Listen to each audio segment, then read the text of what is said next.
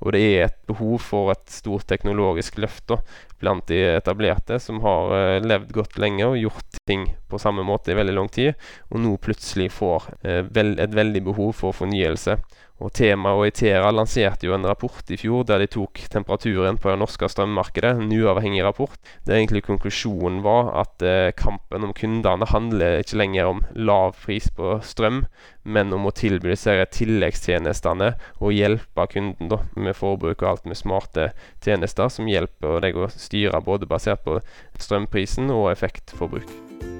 Velkommen til Praktisk Proptech. Med Martin og Tommy.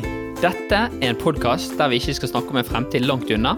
Men hvordan ny teknologi kan hjelpe oss til å drifte, forvalte og bruke byggene våre i dag. Vi vil vise deg de beste eksemplene fra innlandet og fra utlandet om hvordan sensorikk, teknologi og bygg henger sammen. So, let's go! Velkommen til en het sommeraften i vårt digitale studio Praktisk Proptech. Og Martin, vi vet at lytterne setter pris på en praktisk verdi, så i dag så går vi virkelig praktisk ned. Og dette blir en episode der du skal sitte igjen og etterpå egentlig kunne ha muligheten til å være veldig praktisk. Man skulle nesten tro at nøkkelordet i dagens episode var praktisk, med antall ganger du greide å gjenta det i forrige setning, Tomar. Men dagens episode har faktisk tre nøkkelord. Det er AMS, L-hub og Han-porter.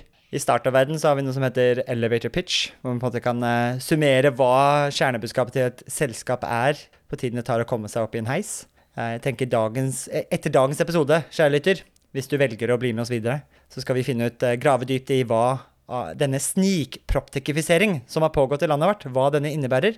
Alle næringsbygg, alle boligbygg har fått en AMS-måler. Hva er det? Hvilken data gir det, og hvordan bruker vi det? og dette er nok noe strømselskapene har tatt i bruk, men kanskje ikke den vante drifteren. Så vi skal grave dypere i både AMS-måleren, dataen vi kan innhente fra Elhub, og disse berømte Han-portene. Og da trenger vi litt hjelp. Det er ikke tvil om. Og så dette her blir jo en elektrisk episode. Og for å få dette til, så må vi ha med oss en eh, ekspert på dette. her. Så velkommen inn i studio, Joar Harkestad. Tusen takk. Hvor sitter du i landet? Nå sitter jeg i Trondheim. Før vi, før vi går inn på dette temaet og sånt, så har jo vi en magisk formel. Et spørsmål vi har utviklet. En algoritme for å prøve å bli kjent med deg som menneske. Eh, og spørsmålet er jo hva er tallet ditt i år? Tallet mitt? Uff. Uh, 11. 11? Oh, nå må du forklare. Nå, eh, nå må du utdype. Nei, utdypa. Jeg vet ikke, jeg har aldri blitt spurt om hva tallet mitt er før, så eh, Jeg tror det var da 11. Det var da jeg hadde på fotballdrakten den gangen jeg spilte fotball. Uh, og jeg likte veldig godt det tallet av en eller annen grunn. Da var noe som appellerte til meg med det. 11, ok. Nei, men da, da, har vi, eh, da har vi tallet, Martin. En god, uh, god, start. Men jeg tenker en annen måte våre lyttere kan bli kjent med Joar på, er et, kanskje et symptom, eller en indikasjon på hvor lite Norge og tech-landskapet er i Norge. Så kjenner jo vi Joar på to forskjellige måter, Tommy. Ja. Så hvordan kjenner eh, Tommy Joar fra før? Nei, vi, vi, møttes jo på telefon, Joar, var det vel. Eh, og det var vel Jeg tror egentlig at det var du som ringte meg eh, og fortalte at du har utviklet noen sånne smarte dongler. Eh, og da drev jeg og testet masse forskjellige av de donglene på Poptech Bergen. Trodde jeg hadde funnet en eh, dongel som var perfekt for forbruket vårt. Eh, og så lærte jeg at de donglene der de oppdaterer seg ikke over luften. Mens de, de donglene som har kart, de oppdaterer seg over luften. For vi vet jo ikke helt hva som skjer med dataene fra disse målerne, om de blir kryptert osv. Og, så eh, og siden den gangen har jo vi hatt en, en veldig god kontakt. Eh, men eh, dere to, Martin og Joar, dere har jo en lengre historie enn, enn når jeg møtte Joar. Jeg vet ikke om det er en lengre historie, men den går lenger tilbake i tid. Lenger tilbake i tid, i hvert fall. Ja, vi, Fortell. Mm. Så vi møttes vel for en uh, Jeg var på ja, Det var når uh, software-nerden i meg ville uh, leke litt mer elektronikk, så jeg var på ny, utkikk etter nye eventyr. Så skrev jeg til Joar, for jeg så det var noe spennende på gang der. Både med energi, men IOT og elektronikk. Så da hadde jeg vel et hva skal vi kalle det, mini- eller mikro-internship, hvor jeg jobba for Hark Technologies i to dager og hadde veldig gøy. Hvordan, eh, hvordan leverte Martin denne perioden i år? Veldig bra. Eh, veldig bra, det må jeg si. Martin var jo så heldig å treffe oss på et veldig tidlig tidspunkt i vår oppstart. Eh, der vi bare var to stykker, da jeg og Ørjan, gründerne da i Hark Technologies. Eh, så han fikk jo være med på å forme litt i starten. Jeg husker deler av internshipet var å lage en ny nettside til oss. Og eh, få en skikkelig look da på, på nettsida. Oppdatere litt med budskap og innhold og dette her. Så, så, det var veldig greit å få noen litt utenfra til å se på dette her, da. Eh, for når en jobber og går veldig dypt i noe, så kan en lett bli eh, ja, litt i sin egen verden, og det er greit å få noen nye vinkler på ting, rett og slett. Ja. Men eh, jeg sjekka nå i forkant, da. Den websiden vi lagde på, eh, Microresearcher på to dager, det er ikke den som er live nå lenger. Nei, det, vi måtte dessverre oppdatere den til slutt. Jeg føler dette her ble litt sånn uh, Dette ble plutselig veldig kleint. Nei, det, Nei, det, dette, er, dette, her er jo nesten fire år siden, tror jeg. Så det har vært utrolig spennende å se, og det sier jo litt hvor, um, hvordan ting forandrer Være med på reisen, da. Hvordan markedet nå også er modnet. Jeg tror det var veldig, veldig få som hadde fått øynene opp for AMS og hanporter, uh, og den muligheten, den dataen vi kan hente ut fra energimålerne, som kommer nå standard på bygg på det tidspunktet. Mm. Så det var jo veldig gøy å kunne få innblikk. Se noen som hadde sett noe før alle andre så tidlig, da. Mm. Oh, men for å ta det tilbake til det tallet, da.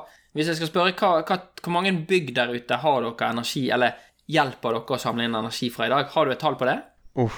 Uh, nei, det har jeg ikke direkte tall. Vi har jo solgt uh, mange tusen av våre enheter, som er mm. solgt til alt mulig slags distributører. Alt ifra um, selskap som leverer til byggeautomasjon, til eh, strømselskap, til eh, oppdrettsanlegg for fiskeanlegg og alt mulig eh, står det rundt eh, disse enhetene. da. Og det er ikke alltid vi har eh, kontroll på hvor mange alle våre distributører har solgt videre da. Mm. Til, til deres ene. I min tid i min lille tid i mm. Hark Technology så het disse donglene som Tommy har pratet om. Og vi kommer nok til å gå, grave litt dypere inn i hvordan Hark Technologies fungerer. Eco-monitor, heter de fortsatt Eco-monitors? Mm, faktisk. Jeg har faktisk eh, for anledningen, Martin Nå er jo det veldig dumt å ta opp bilder i en podkast ja, ikke Lært. 17 episoder, Tommy. 17 episoder. Jeg tar fortsatt frem bilder på kamera, men, men sånn er det bare. men jeg lover jeg skal få legge det ut på shownotes. Men her er jo bildet av wow. Ecomonitor-pakken. Eh, og ikke minst òg den hvite, fine dongelen. Jeg tror for de som kjøper strøm fra Tibber, på hjemmefronten. Er det, er det forenkling å si at dere er Tiber Puls for næringsbygg? Uh, nei, det er vel en god uh, sammenligning, egentlig. Vi leverer en, uh, en Tibber Puls-modul, en lignende enhet som Tibber. og leverer både til næringsbygg og til strømselskap, som egentlig vi vil si med en white label-versjon. da kan jeg heller si, av, av Tibberpuls, Det som passer både for næringsbygg Vi har en del funksjoner og, og backend-system og sånt som, som, passer veldig bra for det. Eh, og partnere eh, som, som, tar dette ut til næringsbygg, som eh, Tommy er her. Og uh, har òg uh, en del strømleverandører da, som bruker dette her inn i sine system, fordi en kan trekke det inn i sin egen app hvis en ønsker det. Vi har et åpent API, så du kan ha det inn i din egen app. Eller så leverer vi òg en white label-app til strømleverandørene, så de mindre som ikke har egen app, kan levere det ut til sine kunder.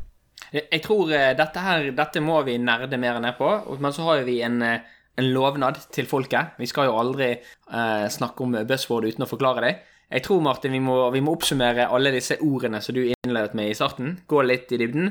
og Joa, kan vi spørre først. AMS-måler, det er jo noe som ble blitt skrevet i forsida og man snakker om. Hva betyr en AMS-måler? Da står jo for uh, avanserte måle- og styringssystem. Uh, og det er jo egentlig en ny digital strømmåler, vil jeg kalle det. Uh, før i tida så hadde en jo uh, analoge målere uh, som oppdaterte seg, mens, og du hadde et tall som rulla, og du måtte månedlig sende en tekstmelding til nettselskapet ditt om hvor mye strøm du har brukt. Og det var egentlig ingen kontroll fra nettselskapet på om det tallet faktisk stemte. eller de hadde ingen peiling på hvor mye strøm du brukte mellom to sånne månedlige avlesninger. Mens disse nye målingene de er digitale og sender informasjonen inn til nettselskapet eh, daglig. Eh, så, eller hver time så sender de inn eh, til Elhub, så samler den informasjonen og gir tilgjengelig da, for forbrukere og strømselskap og andre. Eh, dagen etterpå klokka sju om morgenen så vil du da kunne se timesdata fra forrige døgn. Og Det var litt dette som var, var bakgrunnen, for det var mye støy i media når disse smarte målerne kom. sant? Og, og folk begynte å snakke om stråling og overvåking, og det var ikke, det var ikke måte på. Men målet den gangen var vel å, å, å, få kontroll på faktura, sånn som veldig ofte er. Eh, at man ønsker å få kontroll på faktura. Eh, men, men, det er vel her dere har sett muligheter med en AMS-måler som eh, får utover det å bare ha kontroll på hvor mye dette skal koste i måneden. Ja, for, for målerne og, og, den informasjonen som sendes inn til nettselskapet typisk, det er jo kun informasjon som brukes til fakturering av sluttkunder. Så det er timesdata, da. Og, og grunnen til at en gikk over til å ha timesdata og ikke bare månedlig data, er jo fordi strømprisen er varierende fra time til time i løpet av døgnet eh, pga. Eh, forbruk og etterspørsel. Um, og denne prisen da hadde en lyst til å muliggjøre kundene uh, til å få den prisdifferansen, både på godt og på vondt, sånn at uh, en betaler det strømmen faktisk koster uh, på det tidspunktet, og ikke bare får en gjennomsnittspris, så noen har gode av, og andre ja, kommer, kommer, litt dårligere ut av. Eh, I tillegg så så en jo at det kom til å bli et stort problematikk med effektbehovet eh, framover. Etter hvert så flere og flere får eh, induksjonstopper og elbilladere og annet utstyr som bruker veldig mye strøm på kort tid. Eh, og da har det vært snakk om i mange år å gå over til en ny insentivmodell for nettleie, der en ikke da bare blir fakturert for hvor mye strøm på en bruker, men når på døgnet en bruker denne strømmen, og spesielt da hvor mye en bruker samtidig. Så, eh, så, at de som klarer å fordele forbruket sitt, eh, blir eh, eh får noen gode av da, da, for billigere strøm, rett og slett, ved å fordele forbruket ditt i løpet av døgnet. Fordi da senker en belastninga på nettet. Uh, og dermed så trenger en ikke bruke like mye penger på utbygging av nett. Så det blir litt à la det vi pratet om i fjor, når vi sa 'flatten the curve'. Men nå er det egentlig i strømfabrikken at vi skal flatten mm. the curve med hjelp av AMS-målere. Ja. Akkurat, ja. Veldig god sammenligning. Et aspekt med disse AMS-målerne vi har sett, er vel et Det hører vel med et uh, Europa-bredt initiativ til å få slike smartmålere i alle næringsbygg og, og Eh, privatbygg, eh, private boliger. Og da lurer jeg Nå vet jeg at det finnes tre forskjellige sånne modeller av AMS-målere i Norge. Men hvor standardisert er denne utrullingen i resten av Europa? Um, det som er standard, er vel at alle etter hvert skal ha disse her, uh, nye strømmålerne. Og det er jo rulla ut uh, ca. i overkant av 100 millioner uh, smarte strømmålere i Europa allerede. Eh, og skal komme eh, flere hundre, et par hundre millioner i hvert fall. Eh, og det er en slags standard på de i form av innsamling av data. Eh, og den her i forhold til fakturering og i forhold til nettleie og den type ting. Eh, men så er det òg en del forskjeller mellom leverandørene i hvor hyppig de kan hente inn data, og hva data som er tilgjengelig. Og litt den der standardiseringa på spesielt HAN-porten, da, som er den porten som er tilgjengelig for forbrukeren, og eh, muligheten for å hente ut samtidsdata om forbruk. Og før vi kommer til Hanporten, så nevnte du tidligere når vi snakka om AMS, at de sender hver time De sender kanskje ikke hver time, de sender en gang i døgnet. Så sender de timesdata i løpet av dagen til en sentral statlig database som er Elhub. Kan du forklare litt den mm. dynamikken mellom AMS-målerne, Elhub, og, og hva Elhub egentlig er? Elhub er jo en, en, slags nasjonal database for innsamling av disse her måleverdiene. Eh, og det er jo egentlig for å gjøre en forenkling for alle parter eh, og med disse her dataene. Så alle nettselskaper eh, samler inn måleverdiene for kundene. For det er nettselskaper som er ansvarlig for leveransen av strøm til kunder.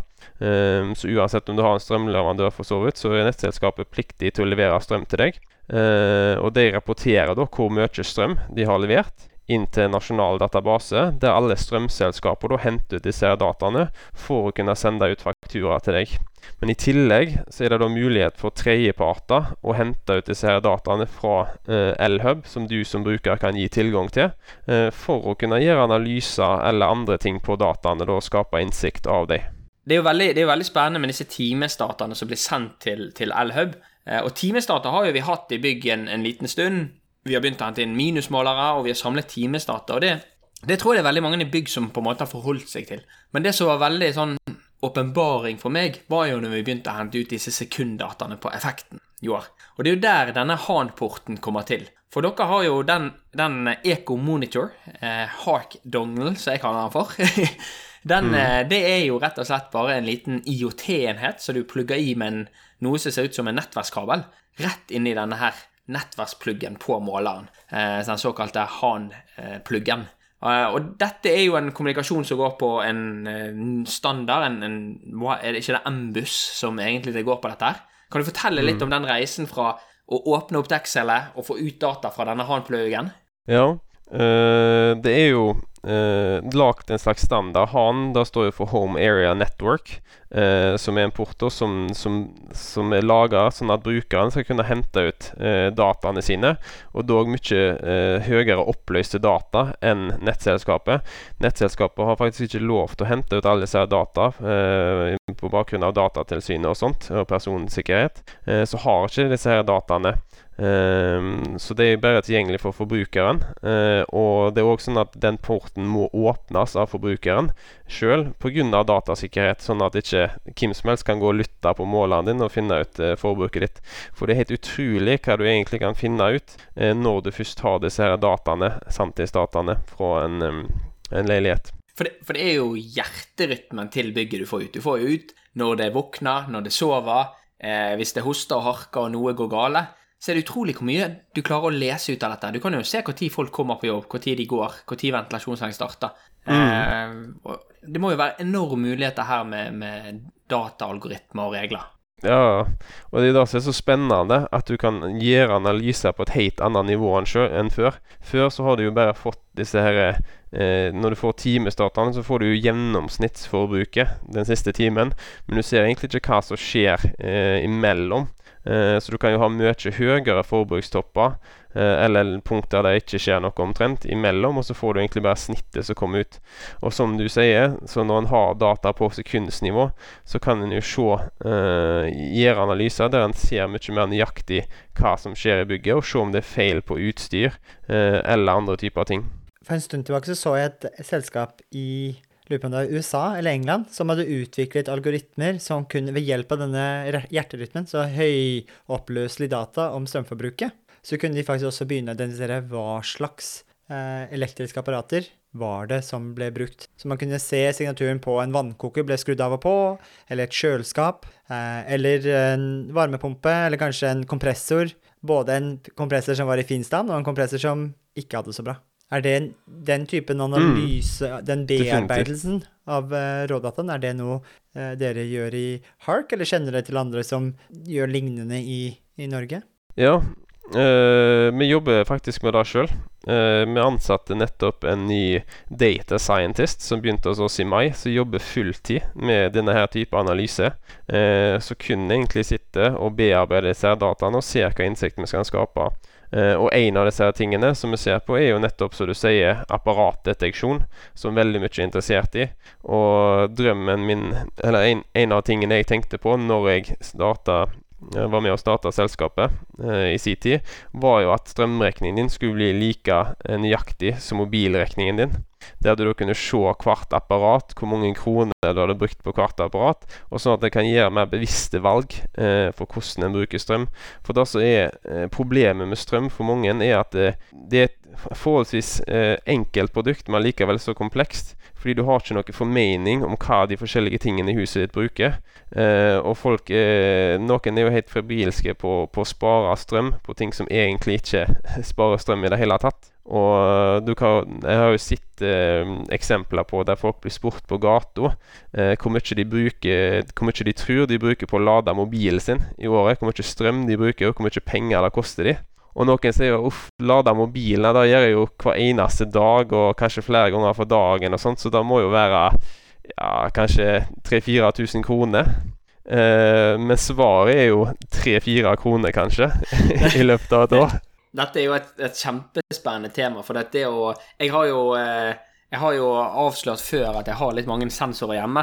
Og en av de sensorene jeg har, er at jeg har på hvert eneste elektrisk apparat så har jeg en, en pluggrelé, så jeg har minusmålere. Så jeg har, jeg har over 217 minusmålere. Så jeg, jeg, jeg har en lader på mobilen òg, den bruker jeg for å aktivere nattmodus, for da vet jeg at jeg går og legger meg når jeg lader den. Men, men jeg hadde en eh, diskusjon med min kone, eh, for at eh, jeg, jeg har en tendens til å dusje godt. Jeg har mye å vaske, som jeg pleier å si, mens hun er ganske kjapp på dusjen. og, og, men når hun går inn i dusjen, og er no, et vanlig menneske går inn etterpå, så brenner du deg opp fordi hun dusjer i 98 grader.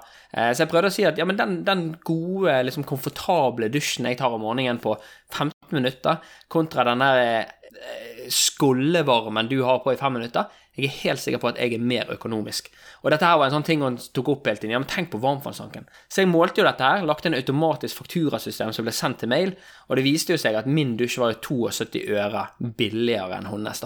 Men da lærte jeg meg òg at det var riktig var ikke lykken i livet alltid. Eh, og det, og det, var, det, ble kanskje litt dårlig stemning når du satte en pris på hva en dusj kostet. da. Så det er jo, Men jeg syns det er kult det du sier, for dette, på samme måte du så hvor mange SMS og ringe, ringeminutter og sånt du hadde, så, så, kunne du sett at ja, varmtvannstanken din har kostet 20, 20 ja, 200 kroner denne måneden, ovnen varme har kostet så og så masse, osv.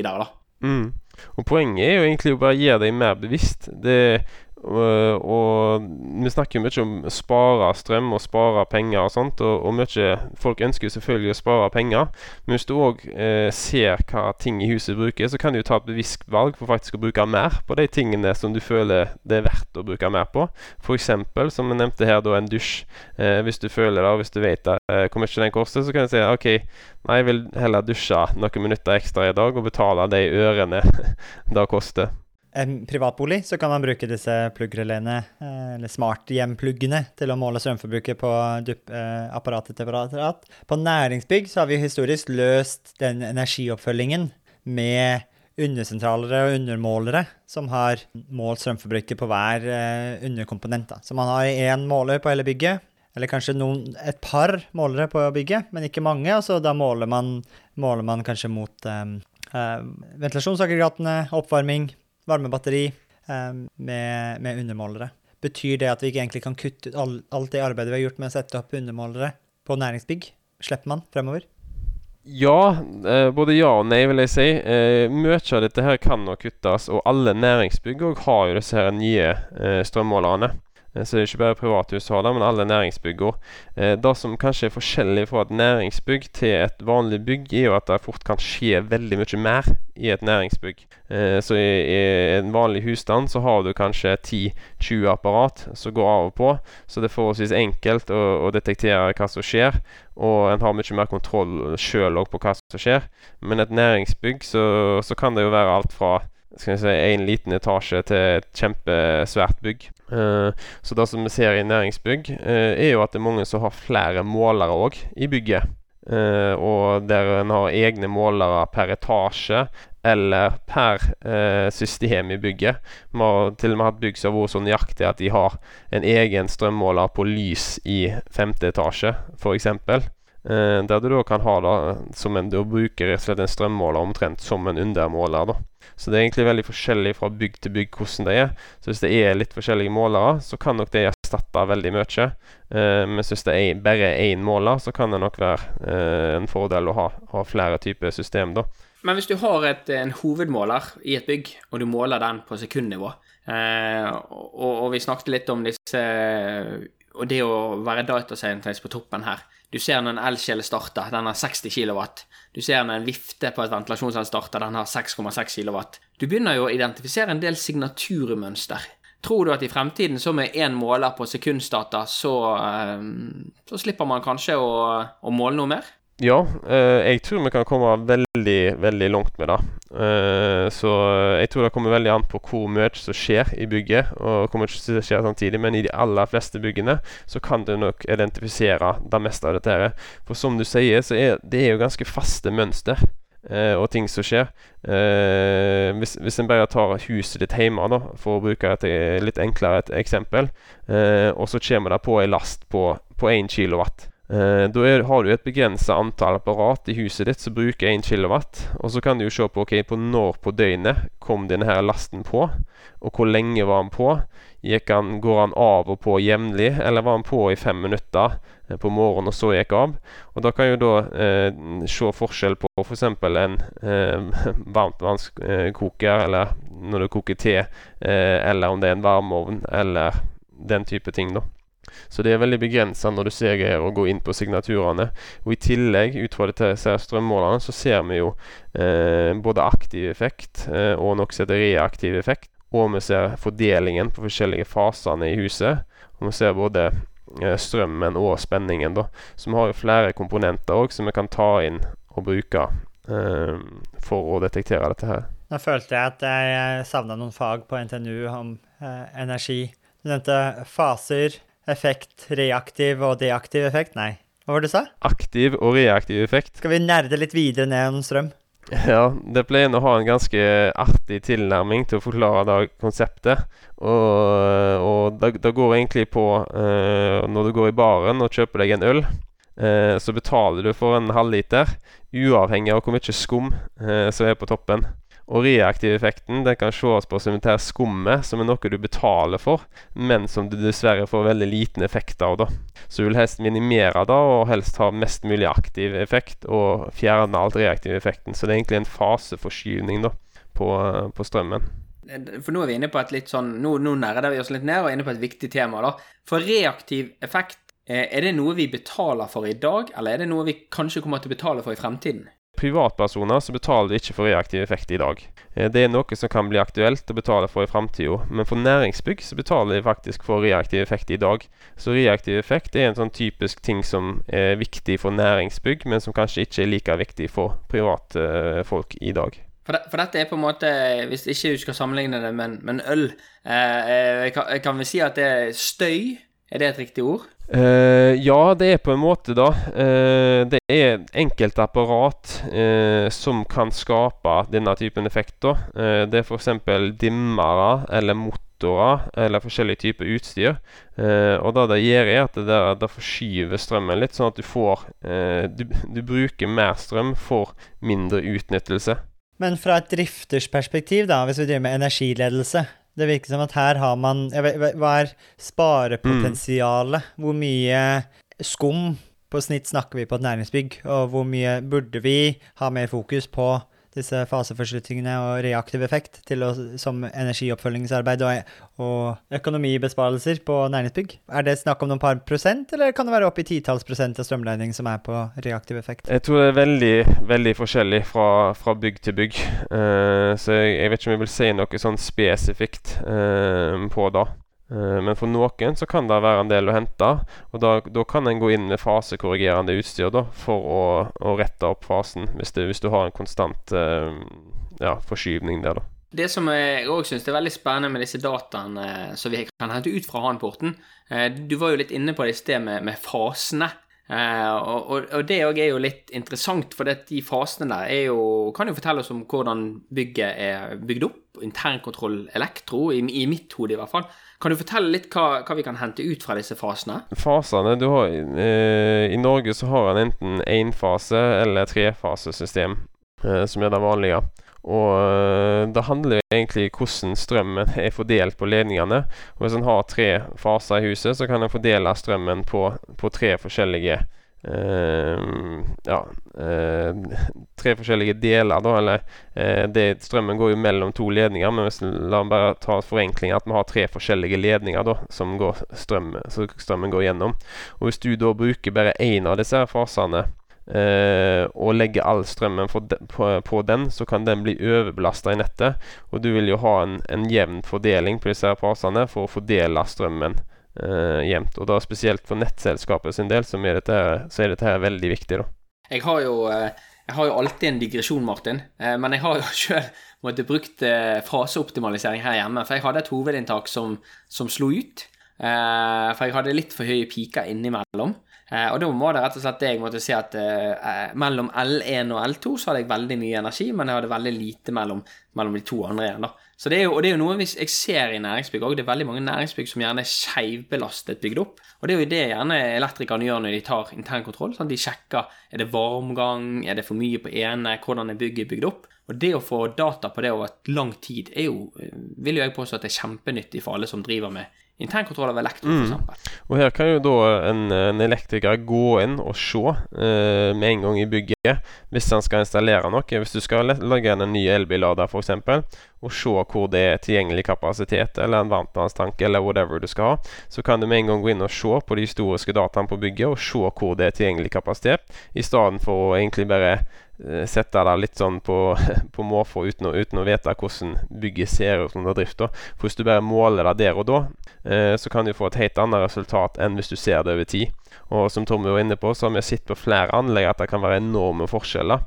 Eh, vi hadde bl.a. en gård som hadde ti ganger så stort forbruk på én fase i forhold til de andre.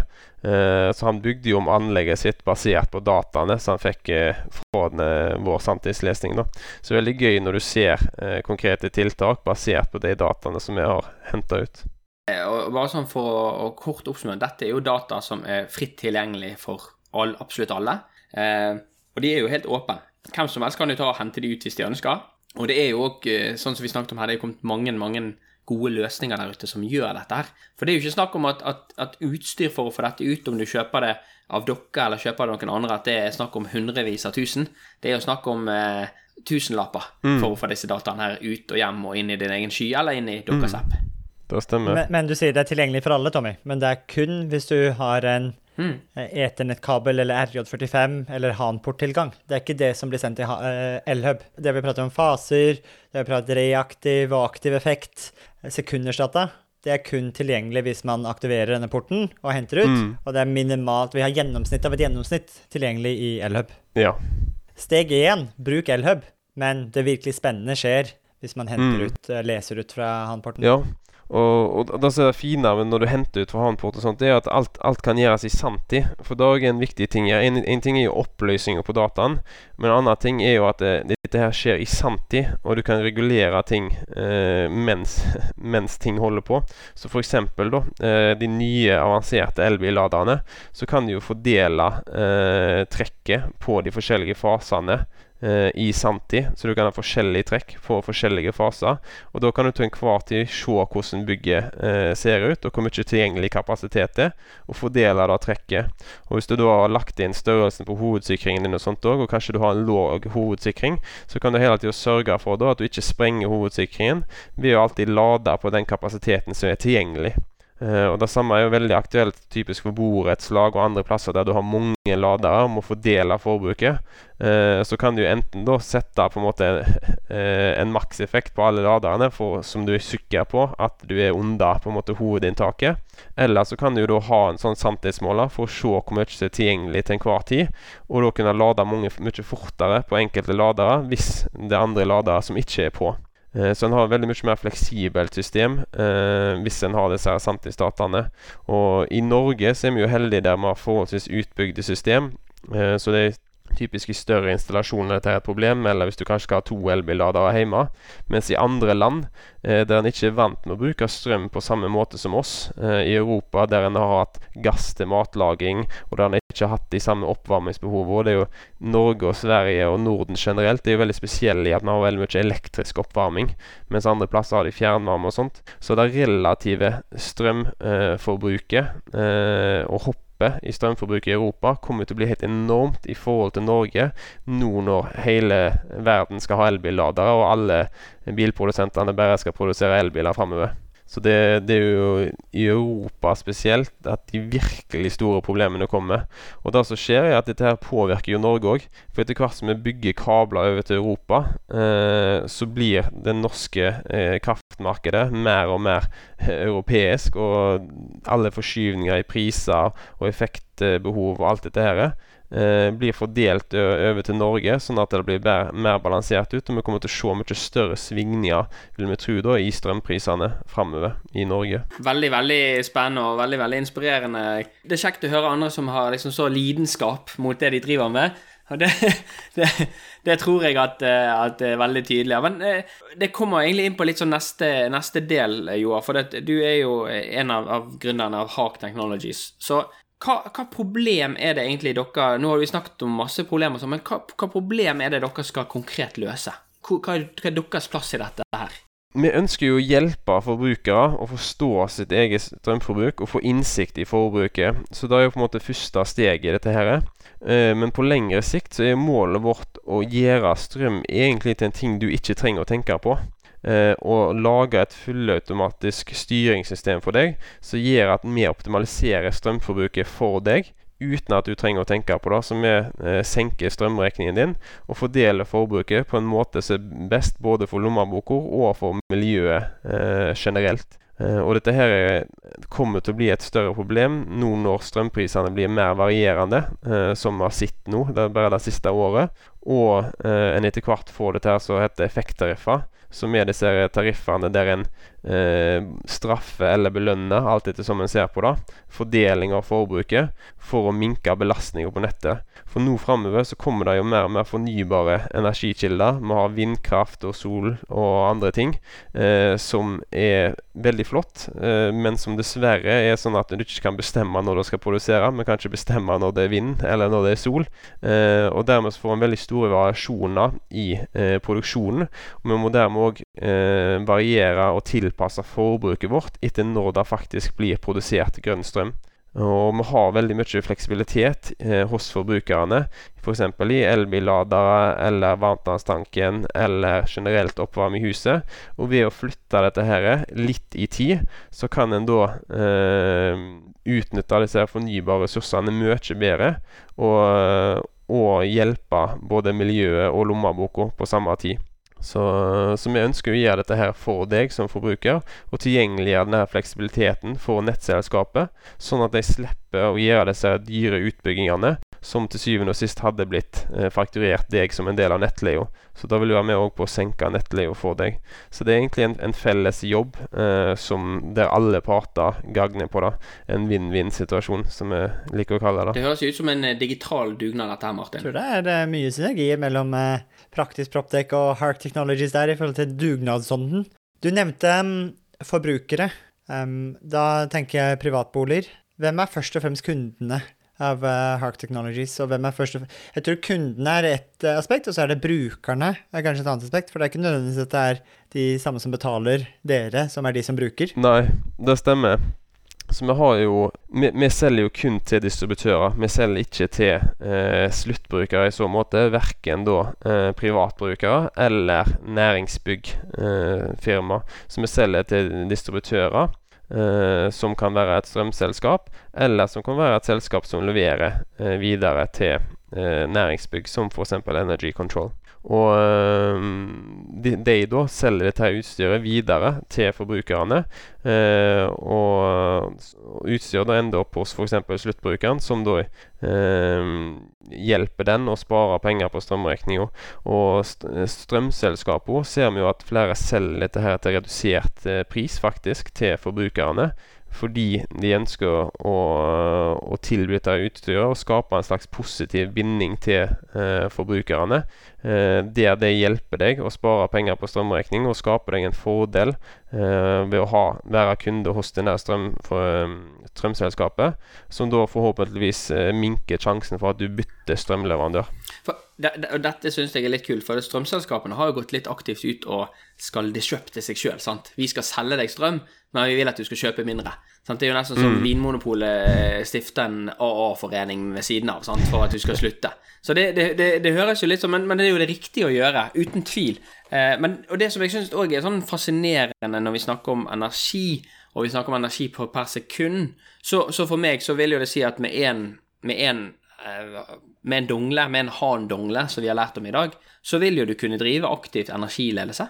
Eh, og da mm. har jo Enova fine tall som viser at ved, ved bruk av energiledelse, så, så vil du spare 3-5% energi, og ofte mer, står det på sine rapporter, og, og 5-10% på driftsrelaterte utgifter. Så det vil jo si at mm. hvis alle gjør dette her, næringsbygg som, som gjerne bruker 1 million, 2 millioner i året, så vil jo de nesten ha en, ifølge Enova, en garantert besparelse på en plass mellom 30 til, til, til 200 000. Mm. Så det, må, det, bør jo selge seg sjøl, dette her, Joar.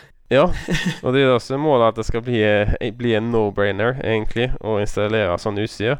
Og da tror vi jo det kommer til å bli etter hvert. Og det er jo Eh, det handler jo egentlig om å, om å utdanne litt folk til å forstå at dette er noe du kan gjøre noe med. For det som er litt synd tradisjonelt, både for forbrukere, men òg for næringsbygg, er jo at mange ser bare på strøm som noe som er der, noe som du, du ikke kan gjøre noe med. Det er noe som betaler for den strømregningen. Noen ganger er den stor, noen ganger er den liten. Og Du har egentlig ikke noen forståelse for hvorfor den er det ene eller det andre. Ja, det har vært litt kaldere, eller det har vært litt sånn, og du kan på en måte trekke noen sånne konklusjoner. Men veldig mange har ikke sett på det som noe du kan gjøre noe med. Uh, men da er endra nå med disse nye strømmålerne og med den nye teknologien som kommer, så kan du faktisk gjøre noe med dette. her. Og en ser òg en, en, overgang, som du var inne på, uh, i da at uh, firma begynner å tenke annerledes. Strømselskap begynner å tenke annerledes på hvordan de selger produkter strøm til kundene sine. Og en ser da nye og spennende aktører som går over til modeller der en ikke tar betalt per kilowatt-time, men heller ta en fast månedspris uten noe påslag per kilowatt-time. og dermed sette seg i en posisjon eh, der de ikke tjener noe mer på at kunden bruker mer strøm, sånn som en har gjort før. Og dermed så kan du òg da hjelpe forbrukeren å spare strøm uten at det påvirker inntjeningen til strømselskapet. Eh, og på den måten så, så, er du i samme båt da, som kunden og har alle insentiver til å hjelpe kunden, fordi eh, da får du en bedre kundeopplevelse som gjør at kunden blir hos deg, og inntjeninga di er uavhengig egentlig av mm. strømforbruket til kunden. Det er, vel, det er vel, den tankegangen, eller det lyset, som eh, Tibber har sett på hjemmefronten. når de all, Eller i hvert fall det de sier, da. Så er all inntjeningen deres basert mm. på en mm. månedsavgift. Jeg tror jeg betaler 39 kroner i måneden for å være, ha Tibber til å kjøpe den billigste strømmen for meg. Og da er ikke de insentivisert til å selge dyre strømmen det må være, da. Men da har de også bakt inn mye av den mm. energibesparelsen inn i produktet. Men det er, ganske, det er en god overgang til å se hva, hva som er unikt med Hark Technologies og Ecomonitor. For det er jo andre løsninger nå på markedet hvor man kan bruke denne HAN-porten eller RJ45-porten til å hente ut data. Um, hva, hvordan differensierer dere dere mm. i markedet? Um, det, egentlig på flere måter. Én uh, ting er jo på, på, teknologien og produktet, hardware-produktet. Uh, og en annen ting er jo på en måte på softwaren og tjenestene og alt som vi leverer. Uh, når det gjelder harderen, så har jo vi et patent på produktet vårt, faktisk. Der vi utnytter strømmen fra havnporten på en veldig effektiv måte.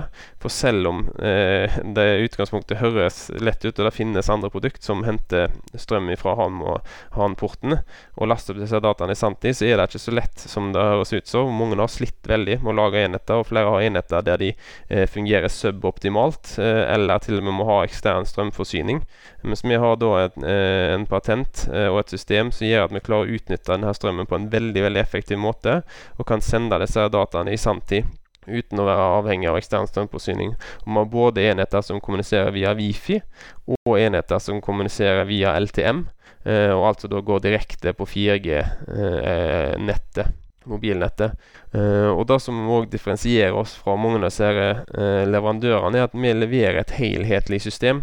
Alt du trenger fra A til Å, som vi kaller det. Uh, som er ikke bare en, en hardware-leverandør, men vi leverer software-tjenester. Vi leverer et, et, åpent API der du kan få det til inn i ditt eget system. Uh, vi leverer white label-apper. Vi leverer alle logistikkløsningene, uh, sånn at vi kan sende enheter direkte til kunder og eventuelt ta returer. Vi leverer branding, så du får egen logo på eska og egne esker og bruksanvisninger, den type ting. Og egen branding av white label-app hvis du ønsker det og hjelper med support og oppfølging av kunder, og, og har et, et helhetlig konsept. Eh, der hvis du er f.eks. et lite selskap, så trenger du egentlig bare trykke på play, og så sørger vi for at alt, alt blir lansert, og jobber sammen med deg med lansering mot kundene dine og har alt du, du trenger. Så vi er ikke et selskap, et strømselskap, eller vi er ikke et selskap som selger dette ut, men vi er et selskap som hjelper andre med det, et white label-selskap som, som hvem som helst kan kjøpe av systemet og selge videre. Og, og hjelper da å bistå disse eh, selskapene og prøver å spille de gode på best mulig måte. Eh, sånn at de får det inn i sitt system på den måten de ønsker. Som de bruker vår app, eller om de bruker sin egen app, eller har et eget dashboard og gjør egne analyser, så er det opp til dem hvordan de leverer systemet videre. Blir det det hemmelige våpenet til eh, strømselskapene mot eh, tech-selskapene som konkurrenter? Det lar dem eh, følge med i tiden og konkurrere med tiberne her i verden? Det er det som er målet vårt, ja. Målet vårt er å hjelpe de etablerte selskapene i, i bransjen med å ta opp kampen med alle disse nye eh, og innovative aktørene da, som kommer opp med nye modellene. Og det er et behov for et stort teknologisk løft da, blant de etablerte, som har eh, levd godt lenge og gjort ting på samme måte i veldig lang tid, og nå plutselig får eh, vel, et veldig behov for fornyelse. Og Tema og Itera lanserte jo en rapport i fjor der de tok temperaturen på det norske strømmarkedet. En uavhengig rapport.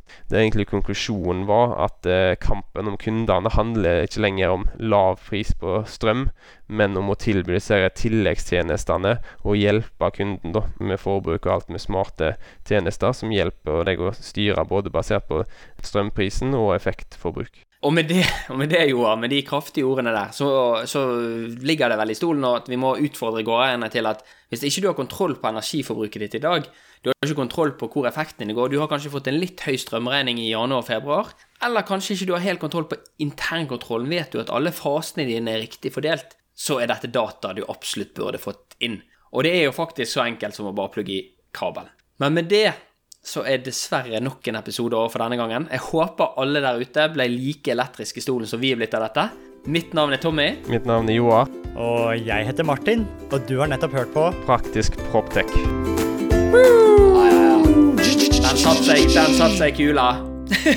Super.